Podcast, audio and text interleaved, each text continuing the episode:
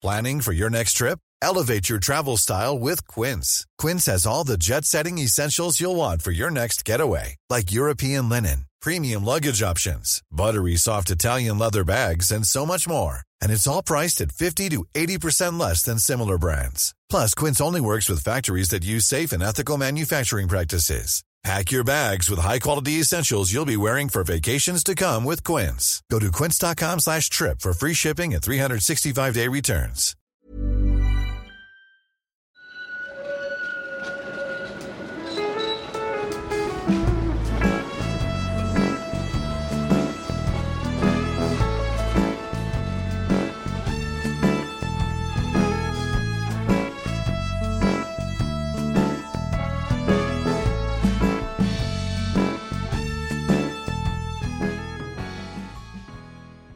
Hej och välkomna till Gator och torg i Göteborg, en podcast om platser i Göteborg. Jag heter Mattias Axelsson och mig brukar ni vanligtvis höra som expert i podden. Idag så tänker jag att jag ska ta mig ett litet steg tillbaka och eh, jag har bjudit in en person som är ännu mer expert än vad jag är, åtminstone på det som vi ska prata om idag, nämligen hissingens gränser och landskapsgränserna specifikt. Martin Ahlstedt, välkommen till podden. Tack. Du är gymnasielärare, liksom jag, svenska engelska, undervisar på Lindholmens tekniska gymnasium, känd från Twitter för vissa. Du har skrivit ett kapitel i Göteborg för och nu, Hembygdsföreningens årsbok 2022, som heter just Landskapsgränsen på hissingen. Och det är ju den gränsen som vi ska fördjupa oss i och kring idag. Men innan vi kommer dit så ska jag tipsa om att eh, podden har en Patreon-sida, patreon.com gatutorg i Göteborg, där ni gärna får gå in och bli månadsgivare. Men jag tänker Martin, att vi ska börja med, hur började ditt intresse för det här väldigt smala området landskapsgränsen på Hisingen? Ja, det började väl, först och främst så är jag uppvuxen på Hisingen i Backa, det bohuslänska Backa. Eh, och eh, har ju vetat om då ända sedan jag var liten att det finns en gräns som slingrar sig fram över Hisingen. Eh, och delar Hisingen då mellan Västergötland och Bohuslän och historiskt Sverige och Norge. Men exakt var den här gränsen går har jag väl inte vetat i alla fall hela vägen. Jag visste att den gick i Kvillebäcken och så men inte så mycket sen exakt var den gick. Och för några år sedan då, det är väl fem år sedan nu, så tänkte jag, det var också en diskussion på Twitter faktiskt som ledde fram till att frågan kom upp då var, var gränsen egentligen går och då tänkte jag att det kan man väl googla fram. Och så kunde man inte det. För att landskap har ju ingen sådär juridisk betydelse sedan länge så att Lantmäteriets officiella kartor har landskapsgränser i och för sig men bara på kartor i ganska liksom fel skala för att kunna se exakt var gränsen går. Så då blev ju det en liten gåta att liksom försöka gå till botten med. Eh, så nämnde jag det på en kafferast på jobbet och det visade sig att det fanns en pensionerad studievägledare, Greger Mossberg, som redan hade ägnat sig en hel del åt gränsforskning. Så jag träffade honom och han visade mig då hur man kan eh, gå till botten med gamla gränser genom att hitta gränslistor. Alltså vi kommer komma in på det mer sen tror jag, men att en gräns historiskt sett egentligen är liksom mer tänkta linjer mellan olika gränsmärken, olika platser. Som, och de här platserna på hissingen blev jag nu nyfiken på att utforska och helt enkelt gå gränsen. Så det var så det började. Och du har haft en blogg där man har kunnat följa det här arbetet och sen har det formaliserats ner till den här texten, landskapsgränsen på Hisingen, som finns i boken Göteborg för och nu, Hembygdsföreningens årsbok 2022, som finns att beställa på Bokus och Adlibris. Vi lägger länkar i avsnittsbeskrivningen. Jag tänker, vi har ju i podden tidigare pratat om Hisingen vid ett par tillfällen. Vi har varit på platser som eh, Backaplan, vi har varit vid Kvilletorget, vi har varit i Vårväderstorget ute i Amhult. Så Hisingens historia har vi pratat ganska mycket om. Men om vi ska börja med det här, vad betyder ordet Hisingen? Var kommer det ifrån egentligen? Det finns ju faktiskt olika teorier om det, men eh, den jag gillar bäst det är att eh, Hisingen ska då betyda den kluvna ön. Alltså att ön är, ja, klyvs mitt i tur då av Kvillebäcken slash Kvillen. Alltså det är ju så att Kvillebäcken är ju det namn som den här, det här vattendraget har söderut och Kvillen i norr. Eh, och det var ju historiskt sett då ett brett sund. Långt in på 1800-talet kunde stora båtar liksom åka mitt över hissingen. Så att ön var ju verkligen då kluven liksom. Eh, och det är i alla fall en av teorierna till vad namnet faktiskt betyder. Den kluvna ön. Och vi ska ju komma tillbaks till den här, till Kvillebäcken och Kvillen, för det är ju just en av de här landskapsgränsmarkeringarna. Men vi har ju pratat också i podden tidigare om, om det här, den delade ön Hisingen, delad mellan Sverige och Norge. Och då pratar vi om olika socknar, vi pratar om olika härader, Ska vi börja kanske med att förklara de orden? Alltså, vad är en socken och vad är en härad för någonting? Just det. För att förstå då tidig gränsdragning så måste man först förstå vad man behöver en gräns till, alltså vad, vad det är man eh, delar upp så att säga. Och då är ju ett härad, om vi börjar med det, så är det ju alltså en gammal juridisk indelning där man hade gemensam tingsplats i ett härad. Och Hisingen har då historiskt bestått av två härader, Eh, västra Hisingshärad och östra Hisingshärad som sen under den ganska långa period och Hisingens historia som det var två olika riken inblandat hette svenska Hisingshärad och norska Hisingshärad. Eh, och det västra häradet, eh, alltså det gamla norska, består då av ett antal socknar, nämligen Torslanda, Björlanda, Säve, Rödbo och Backa. Eh, och det andra häradet då, det östra eh, svenska, är Lundby och Tuve. Och socken då handlar ju om att det, är, det har med de första kyrkorna att göra. När de byggs så måste man bestämma helt enkelt vem som ska gå i vilken kyrka. Eh, och då behöver man ju någon form av uppdelning där liksom att som kanske inte då kräver en exakt gräns. Men den kräver åtminstone att man vet vem som hör till vilken kyrka och det är ju någon form av tidig ungefärlig gränsdragning som görs då. Och om vi tar de här två socknarna som, tillhör Sverige, eller som tillhörde Sverige tidigt, för då går vi tillbaks till medeltiden. Och de två socknar som då tillhörde Sverige historiskt, eh, alltså Lundby och Tuve socknar. Hur gick det egentligen till när de blev svenska och när blev de svenska? Ja, eh, svaret på den frågan är ju inte helt enkelt för det, det, går inte att säga exakt men det går ju ändå att eh, komma ganska nära hur det gick till. Eh, och då får man kanske börja med Snorre Sturlason och gamla isländska sagor. Det är härligt att gå långt tillbaka i tiden. Ja, för där finns de första alltså berättelserna som utspelar sig på Hisingen. Eh, och kanske den viktigaste episoden i Snorres sagor som rör Hisingen tänkte jag kanske att jag ska läsa upp här då faktiskt. Eh, det är från Olav den heliges saga. Olav den helige var kung i Norge 1015 till 1028 och han träffar här Olav skötkonung, alltså som kallas Sveakungen i den här sagan. Och då berättas det i sagan att det fanns en bygd på Hisingen som ibland hade legat under Norge och ibland under Götaland. Kungarna sa att de skulle kasta tärning om vem som skulle ha den bygden. Den som kastade högsta talet skulle få den. Sveakungen kastade två sexor, han sa att kung Olav inte behövde kasta. Han skakade tärningarna i handen och sa Det finns fortfarande två sexor på tärningarna och det är lätt för Gud att låta dem visa uppåt. Han kastade och två sexor kom upp. Därefter kastade Sveakungen Olav återigen två sexor. Norges kung Olav kastade igen och fick sex på den ena tärningen men den andra gick sönder och den visade sju. Han tillägnade sig bygden. Så att det här tärningsspelet slutar då med att den norske kungen vinner den här bygden på hissingen. Och det är ju viktigt då att notera just det att de kastar inte tärning om hela hissingen utan de kastar tärning om en bygd på hissingen. Och rimligtvis är det ju då alltså den härad eh, som sen skulle bli svensk men som i det här tärningsspelet blir norsk. För detta är ju då innan det finns en svensk västkust. För nästa del av den här historien är ju sen då att, och då hoppar vi till 1200-talet. Eh, för då finns det andra sagor som, och då är det inte längre Snorre Sturlason utan det är hans brorson Stula Tordarsson som står för sagoskrivandet i Håkon Håkonssons saga. Den sagan finns faktiskt inte översatt till svenska men jag har citerat lite ur den på norska då i min kapitlet i den här boken som jag nämnt här. Eh, och det går ju inte att säga exakt utifrån den här sagan vad de kom fram till men att de här personerna i alla fall möttes som är då Birger Jarl från svenska sidan han var ju inte kung men han som jarl så var det han som skötte förhandlingarna. Eh, men sen var det då norske kung Håkon och danske kung Kristoffer som vid ett antal olika tillfällen med början 1249 fram till 1260 träffas runt Göta älv då.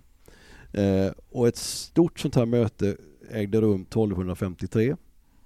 Då har de liksom varsin bas då, alltså så att eh, Birger Jarl håller till vid Gullbergs vass eh, och kung Håkon håller faktiskt till på Lindholmen där vi sitter nu. Just det, det ska vi säga. Ja. Vi hade egentligen tänkt att vi skulle vara i närheten av den gamla gränsen borta i Kville, var min plan. Men eftersom jag dumt nog glömde bort min inspelningsutrustning hemma så sitter vi på min arbetsplats på Bräckegymnasiet på Lindholmen.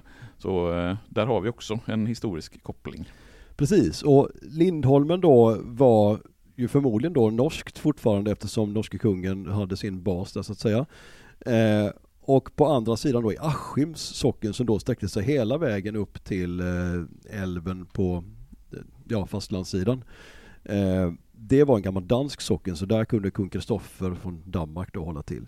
Men sen möttes de och då var det så att vid den här tiden så var Birger Jarl och även den norske kungen, de eh, var goda kompisar med både påven och Hansan och det gick ganska bra för dem. Eh, Birger Jarl hade precis också fått sin 11-årige son Valdemar till att bli kung så det innebar ju fortsatt makt åt Birger.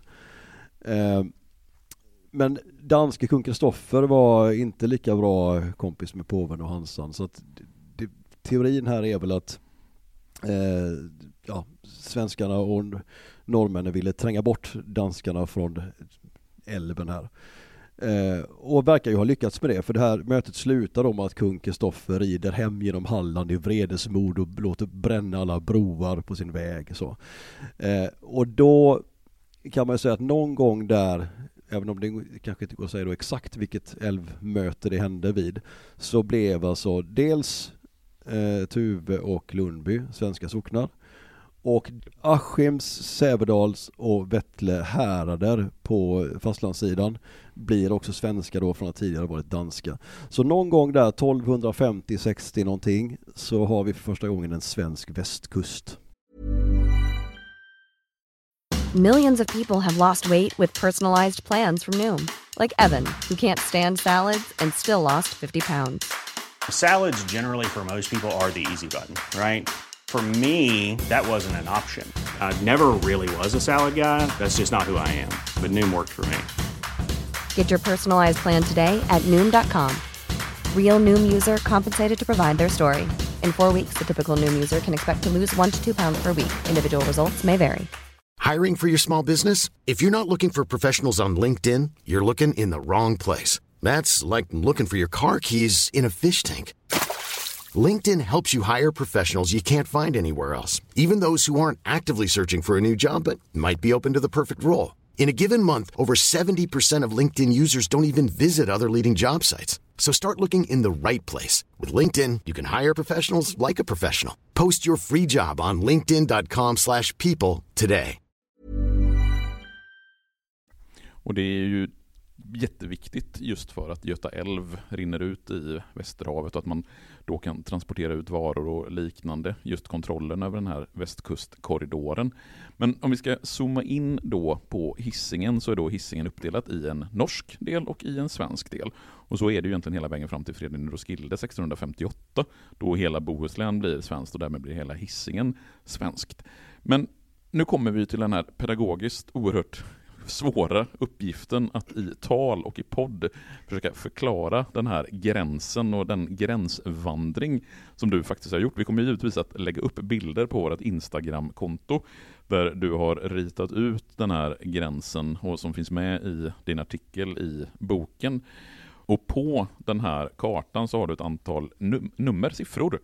Eh, varför har du satt ut en massa siffror längs med gränsen här? Jo, det är ju då för att de här alltså tidigaste gränsdragningarna, då skapade man helt enkelt gränslistor. Och de här gränslistorna består just av alltså platser kan man säga. Ibland kan det ju vara en å så förstås, men ibland är det gammalt gravröse eller vad det nu kan vara. Liksom. Men det är olika märken, alltså platser som har då nummer i en lista. Så att det här är ju före kartornas tid. Det var före man kom på att man kunde ha en karta och rita en linje utan den äldre tidens liksom sätt att se på vad en gräns var för någonting så är det tänkta linjer mellan olika platser. Så de gränsmärken som finns på hissingen då, de är 11 stycken och det är de som jag har vandrat mellan. Hur gör man egentligen när man liksom ska identifiera de gamla gränserna? För de finns ju egentligen inte på några nutida kartor. Går man in på till exempel Lantmäteriets karttjänster och liknande så finns ju inte landskapsgränserna utsatta. Hur gick du tillväga när du forskade kring det här egentligen? Ja, man kan väl säga att genombrottet var att dels träffade jag Greger Mossberg som jag berättade förut och han visade mig en bok som heter Bohuslänska gränsmärken av Johan Kalén från 1933. Den boken är alltså en sammanställning av alla gränslistor som finns bevarade som handlar om Bohusläns gräns. Eh, och de elva första gränsmärkena som han tar upp då är, är från Hisingen. Då kan man lägga till att hans tidigaste, alltså äldsta gränsmärken är från 1273. De, eh, då är dock inte Hisingen med.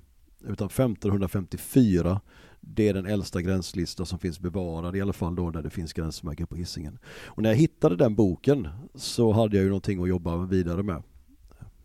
Så det är det du har haft som utgångspunkt.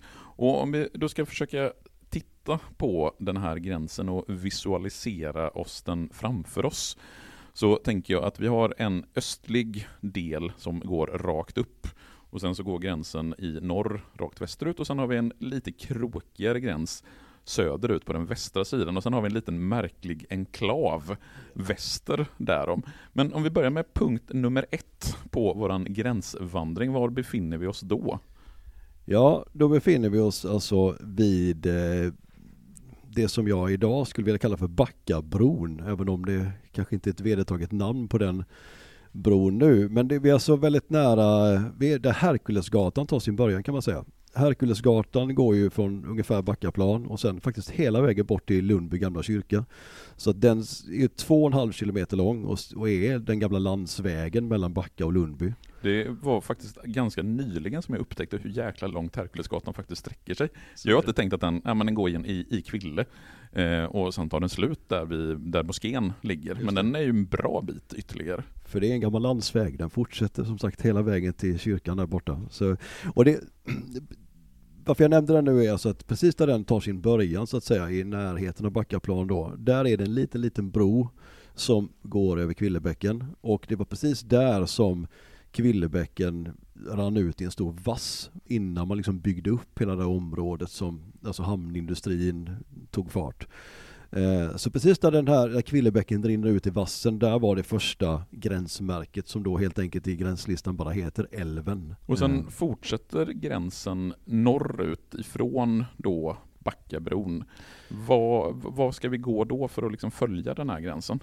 Ja, alltså först vill jag bara kommentera kort då att jag nämnde Backabron är för att jag tycker att vill, vill man liksom ha ett modernt gränsmärke där och, och, försöka förstå vad man ska utgå ifrån så är ju det en bra startpunkt liksom. Vill man just ut på gränsvandring så ska man börja vid Backabron helt enkelt. Eh, och att jag kallar den Backabron är för att jag hittat det på en gammal karta och att det också är något symboliskt då i att alltså när Lundby, det har du också nämnt i den här podden förut, tror jag, införlivades tidigt i Göteborgs stad, alltså eh, 1906, så tog det ju lång tid, 1948, innan Backa blev en del av stan. Så då var det ju verkligen stadsgräns där med, man tog sig över den här bron till och med lantliga Backa. Eh, ja. Men i alla fall, börjar man där så är det ju i början ganska enkelt ändå att följa gränsen. Det är bara att följa Kvillebäcken. Eh, och det kan man ju ganska långt göra utan problem. Eh, problemen kommer väl egentligen först ja, faktiskt när man når upp till eh, alltså Hörkällardammarna och sen kommer till Skogomevägen. Eh, för där så är nämligen det här gamla sundet som vi pratade om förut avskuret. Det är inte längre så att vattnet eh, fortsätter över Skogomevägen eller under Skogomevägen utan där bryts det av. Um, och där finns det inga gränsmarkeringar som man kan utgå ifrån egentligen då eller? Nej det gör det inte. Man kan väl också lägga till att det, egentligen så har man lite problem redan innan det för där har tuvraset eh, då gjort att eh, bäckfåran flyttades en bit men gränsen har ju inte flyttat sig så där är det ganska svårt att veta exakt var den går men man får väl liksom tänka sig att den fortsätter upp mot Hökälladammarna. Men varför jag nämnde Skogåmevägen är också för att där någonstans där låg Eh, för länge sedan en eh, delningspunkt i en så kallad bifurkation som det här märkliga vattendraget då är. Så att jag har två namn, Kvillebäcken i söder och Kvillen i norr. Är alltså för att eh, vattnet rinner åt två olika håll. Eh, det rinner norrut på norra hissingen och söderut på södra hissingen. Eh, men nu är det alltså avskuret då så att det, det är inte riktigt så längre. Hur långt norrut ska vi gå här nu längs med gränsen innan vi kommer till punkt två? Var landar vi då? Precis, då ska vi upp till ett där Djupedalsbäcken rinner ner i Kvillen. Och det kan man alltså identifiera. Det, då är man i, lite norr om, men ungefär i höjd med Skändlaberget. Och eh, Skändlarös då som sen är eh, eh, gränsmärke nummer tre. Och, och, då är vi typ vid Stora Holm och det är väl halkkörningsbana som ja. finns där uppe om vi ska förhålla oss till lite mer moderna företeelser. Det är ju absolut inget gränsmärke men jag tänker för att folk, folk ungefär ska se i huvudet var på hissingen vi befinner oss. Alltså strax norr därom ja. kommer nu då gränsen gå västerut tills den återigen svänger söderut. Var hamnar vi då när den liksom gör en sväng neråt? När vi alltså är på punkt 4 på kartan. Just det. Jag kan säga att mellan punkt 3 och punkt 4 så är det först ganska lätt att, hitta rätt då för att där är man i Skändla skogen. Alltså det finns en spikrak mur och det finns också kartor och skyltar och så där uppe så att det är ganska lätt att liksom följa gränsen genom skogen där. Ehm, men sen när man kommer eller försöker ta sig till punkt 4 så går det inte lika bra för då får man först passera Hisingsleden och sen inser man att punkt 4 finns på ett militärt område idag. Aj då, där ska man skjutbana, där får man inte gå in helt enkelt. Nej, det ska man ju verkligen inte gå in. nej, nej. har vi fått lära oss de senaste veckorna om inte annat. Eh, så att punkt nummer 4, Holms Gärde, kommer inte den moderna gränsvandraren till utan specialtillstånd. Eh, men sen då så är punkt 5, det är Steneby vall som ligger inne på Aeroseums område, alltså flygplats, eh, flygplansmuseet. Eh, nu är ju det också gammalt militärområde så att Steneby vall är ett gammalt fornminne som eh, förmodligen är bortsprängt. Mm. Man kan hitta den troliga platsen för det men det finns nog ingen vall längre. Men det är inne på Eroseums område som gränsen nu fortsätter då söderut och slingrar sig ner här hela vägen till Biskopsgården egentligen. Vad har vi för stopp på vägen innan vi kommer ner till, eh, till nuvarande Biskopsgården? Ja, det är gränsmärke nummer sex då, Unnereds, eh, som heter Unnered helt enkelt. Det, där har ju också en del hänt. Det finns nämligen en Volvofabrik som gränsen skär rakt igenom.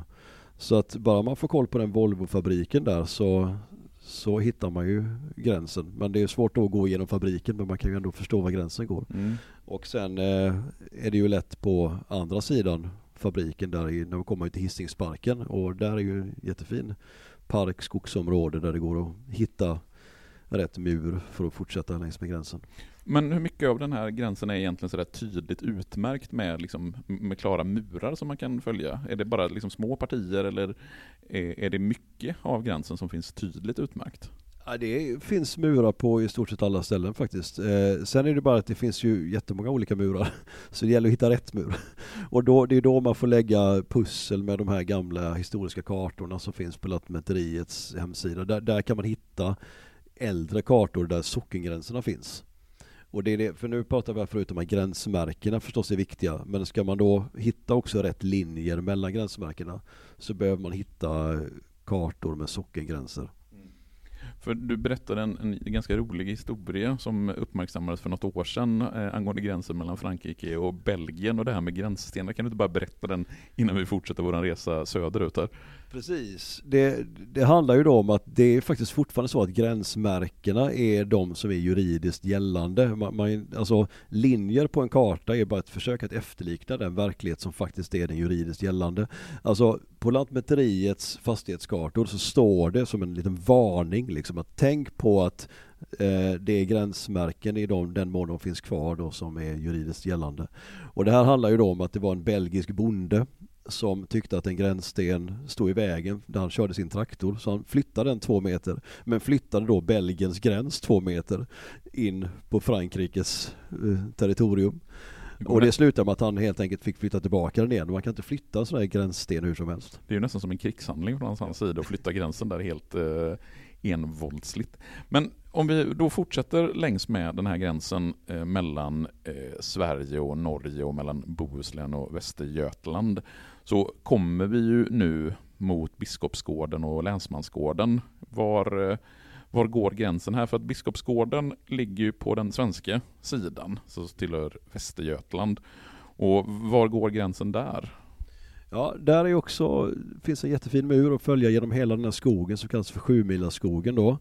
Eh, så att först får man kanske ta sig upp då till Stora Vätte, alltså som också är i likhet med Stjärnlarös, så sånt här gammalt eh, bronsåldersgrav, Röse Eh, med jättefin utsikt och liksom en, eh, det är väl högsta punkten i skogen där. Så, och den ligger ganska långt norrut, så där kan man börja. Eh, och sen så kan man, om man utgår därifrån, då hitta en mur som löper spikrakt verkligen genom hela skogen. Eh, och en gång i tiden så gjorde den ju det hela vägen ner till älven då. Nu kommer man ju inte riktigt ner där vid hamnen, men man kommer i alla fall dit skogen tar slut. Mm. Och sen så gränsmarken 9 och 10 har du satt frågetecken för på din karta. Hur kom, var, varan den, dessa frågetecken? Ja, det är ju så att redan på 30-talet då när Johan Kalén skrev sin bok, eh, när han sammanställde listorna över gamla gränsmärken, så lyckades inte han identifiera exakt var de här gränsmärkena finns. Och det har ju då inte jag heller lyckats med. Men det går ju att tänka sig ungefär var de måste ha funnits. Så därför har jag satt ut dem fast med frågetecken då. Men om vi då kommer ner med gränsen mellan Bohuslän och Västergötland återigen i älven fast nu en betydligt längre bit västerut, alltså närmare ut i havet. Var, var är vi då? Alltså var går gränsen ut i älven igen? Ja, den går genom det som idag heter Skarvikshamnen som kanske inte alla känner till men, men det är då, man har byggt en hamn där fast det historiskt sett var så att gränsen gick hela vägen ner till vattnet, alltså ut i vattnet. Där fanns då det sista gränsmärket eh, som antingen ska heta Själstenen eller Sjöstenen lite beroende på vilken gammal lista man, man går efter. Eh, men vi är då inte så jättelångt ifrån Älvsborgsbron. Det är väl en knapp kilometer kanske väster om. Mm. Och, och där har vi då i någon mening täckt in hela Lundby och Tuve socknar. Förutom det här som jag alltid har uppfattat som väldigt, väldigt märkligt när man tittar på de här gamla kartorna. För vi har ju en liten, liten, man ska kalla det för enklav, en liten, liten landtunga som sticker upp strax väster om den här större delen där Lundby och Tuve socknar är. Vad, what's about, jag tänkte what's about, vad handlar den om? Vad är det för något? Ja, alltså historien bakom det här är ju lite svårt att veta helt enkelt. Men det, det, handlar i alla fall om att det är fyra stycken byar då. Arendal, Härröd, Synneröd och Syrhåla. Eh, som av någon anledning kom att tillhöra först faktiskt Tuve socken. Eh, och sen 1866 så begärde de att bli flyttade till Lundby socken och fick sockenstämman sa ja till det. För då fick de lite närmare till kyrkan i Lundby än i Tuve. Men varför de här byarna först då kom öra till Tuve socken är går inte att svara på helt enkelt. Men det är ett historiskt faktum att det var så. Men vet man någonting om varför den här lilla biten till, liksom blev en del av Sverige överhuvudtaget? Varför det liksom inte, vilket väl hade varit naturligt, eh, blev en del av den norska hissingen? Just det. Alltså, svaret på det är ju att det av någon anledning hade kommit att tillhöra Tuvesocken. Så att, eh, när Tuve blev svensk så blev ju också de här byarna svenska därigenom då. Så det är egentligen, frågan är egentligen den som du svarade på först, alltså varför de tillhör Tuvesocken och det vet vi inte, Nej. utan det bara blev så. Ja. Och i och med att de här två by, eller fyra byarna då tillhörde Tuvesocken så blev de också en del av det svenska hissingen fastän det ligger lite som en enklav där. Jag kan väl kort bara nämna att det finns olika teorier om detta. En teori är att det skulle kunna röra sig om ett byte med, mellan alltså Skårdals skate som är ett historiskt namn på Halva Surte och Bohus. Alltså ett område som ligger då öster om Göta älv mitt emot Bohus fästning ungefär kan man säga. Som faktiskt då är bohuslänskt område men under många år betraktades som Västergötland för att någon på Lantmäteri Lantmäteriet gjorde fel på en karta på 1800-talet och drog gränsen rakt genom älven. Eh, men nu har man ändrat det så att på moderna kartor nu så är det faktiskt så att eh, Bohus och halva Surte ligger i Bohuslän. Och det, det, är ju då en enklav som är ungefär lika stor som Arendalsenklaven. Så det har funnits spekulationer om det skulle kunna ha, vara någon sorts byte. Men eh, det är inget jag ska säga att det är så. Det är Det ingenting är- som du skulle ta gift på som jag brukar säga i podden. Nej, utan jag tror snarare att det faktiskt kanske finns en äldre förklaring då som av någon anledning så blev det så att de här byarna hörde till Tuve socken och att det inte har så mycket med Skållands gata att göra. Men nu har jag åtminstone nämnt att den teorin finns. Och om vi liksom då går, för nu har vi ju förklarat just och i väldigt detalj hur den här gränsen går. Vill man ha ännu mer i detalj så ska man ju köpa boken och läsa din artikel för där går du ju verkligen i detaljnivå i, genom hur den här gränsen har gått. Och fram till, som vi sa, 1658 så var ju det här en landsgräns, alltså gräns mellan Sverige och Norge. Där eh, Lundby och Tuve socknar tillhörde Sverige och de övriga socknarna på Hisingen tillhörde Norge. Och sen 1658 så blir ju hela Hisingen svenskt och under, eller egentligen från slutet på 1800-talet, för det är väl då Tingstadsvassen blir en del av Göteborg. Och sen Lundby 1906, Backa 48 och sen blir ju även Torslanda och övriga socknar 1974 är väl sista delen av Hisingen som blir. Precis, de andra är på 60-talet och sen kommer Rödbo 74. Och går det på något sätt att säga någonting om den här gränsens betydelse idag? Spelar den överhuvudtaget någon roll eller är det bara liksom en grej för nördar som dig och mig att sitta eh, och titta nostalgiskt och blicka tillbaka i gamla arkiv? Man kan väl säga så här att den, ja, den spelar väl egentligen ingen roll om man inte tycker att sånt här är kul, så, så kan man väl säga. Men sen så är det väl ändå värt att nämna någonting om landskap i stort då kanske som svar på den här frågan. Eh, för att landskap har ju sedan länge ingen juridisk eller någon annan, någon annan betydelse men jag tycker ju ändå att de har ett kulturhistoriskt värde eh, och att det kan vara värt att nämna då att det är ju landskap som har egna fåglar och fiskar och blommor och så vidare. Alltså det, det är ju en indelning som man ofta ändå använder i någon form av kulturhistoriskt eh, ja, perspektiv. Eh, sen är det väl också värt att att säga då att även län är mycket gamla men de kan man ju ändra på. De har ju liksom gjorts om genom åren. Så att landskap är ju på något sätt en väg tillbaka till historien för att de är som de är. De är oföränderliga.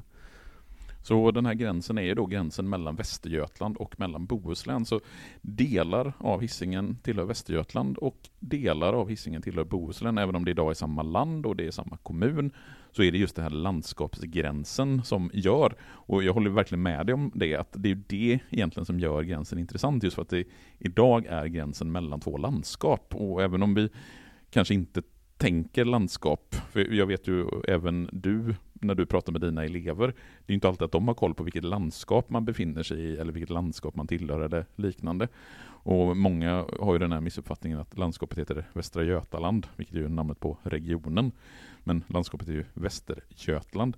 Är det någonting vi har glömt som vi bör säga om eh, gränsen på Hisingen? Jag kan väl bara lägga till kort då att det här eh, det är ju inte riktigt med i det här kapitlet för det faller lite utanför ramen där men eh, i något annat sammanhang hoppas jag få möjlighet att skriva lite mer om eh, också vad det här betydde för folket som bodde på Hisingen. Alltså det är ju förstås så att de bodde i ett gränsland där det var eh, ganska stökigt och, och mycket krig helt enkelt. Eh, så att det brändes gårdar och det, man var tvungen att göra olika dagsverken på fästningarna, Bohus då, även Älvsborg och så.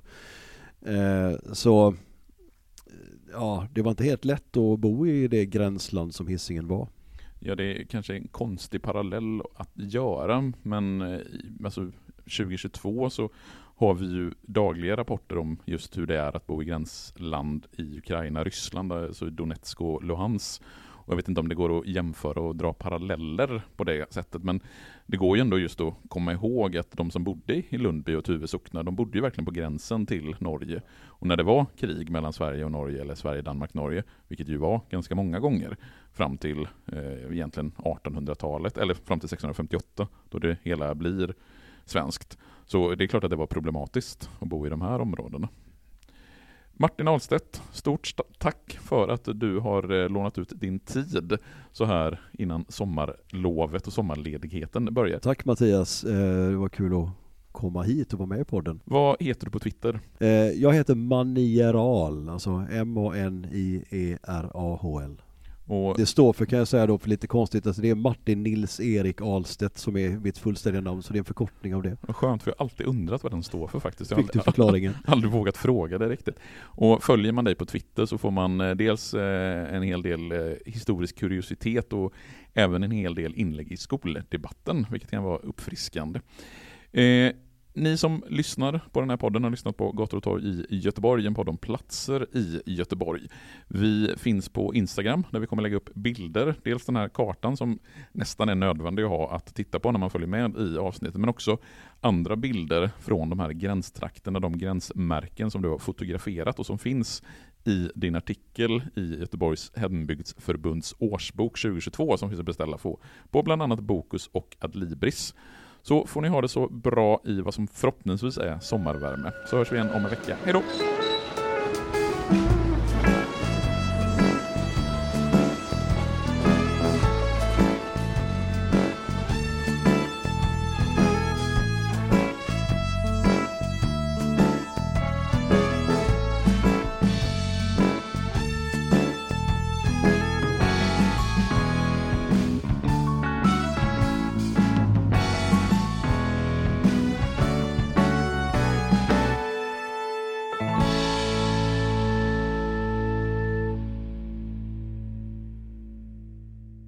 Gator och torg i Göteborg produceras av Reostat Media AB.